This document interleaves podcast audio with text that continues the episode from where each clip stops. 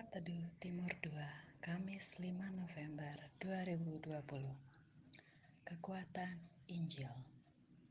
Roma 1 ayat 16 Sebab aku mempunyai keyakinan yang kokoh dalam Injil karena Injil adalah kekuatan Allah yang menyelamatkan setiap orang yang percaya, pertama-tama orang Yahudi tetapi juga orang Yunani. Kekuatan Allah dalam Injil dilepaskan ketika Injil diberitakan.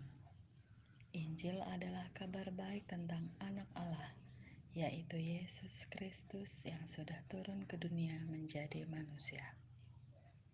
Injil adalah kekuatan Allah yang sanggup menyembuhkan yang sakit, juga berkuasa untuk memberkati seluruh area kehidupan kita.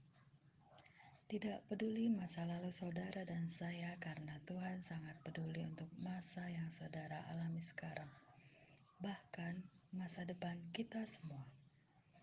Adakah kita menjadi goyah dengan kabar buruk dari berita-berita masa kini yang memang sangat lagu keras adalah berita-berita yang menggoyahkan iman kita untuk menjadi lemah, membuat ketakutan, dan itulah tipu muslihat dari si jahat, supaya anak-anak Tuhan tidak lagi memakai kuasa yang sudah diberikan untuk kita pakai. Ada tiga tanda ketika kita hidup di dalam Injil kekuatan Allah. Satu, kita mentaati firman-Nya. Yohanes 14 ayat 23 sampai 24. Ketika kita mengasihi Tuhan, maka kita akan menuruti perintahnya. Dua, menghasilkan buah roh. Ketika Tuhan berotoritas atas hidup kita, maka kita pasti berbuah.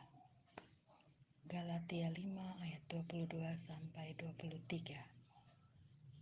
Tiga, Tuhan melindungi kita bukan saja untuk kita terhindar dari masalah, tetapi, ketika ada masalah yang diperhadapkan dalam hidup kita, Tuhan masih berkarya secara ajaib dalam hidup kita, asalkan kita tidak lari dari masalah, melainkan menghadapinya dengan kekuatannya. Selamat mempraktikkan firman-Nya hari ini. Tuhan Yesus memberkati.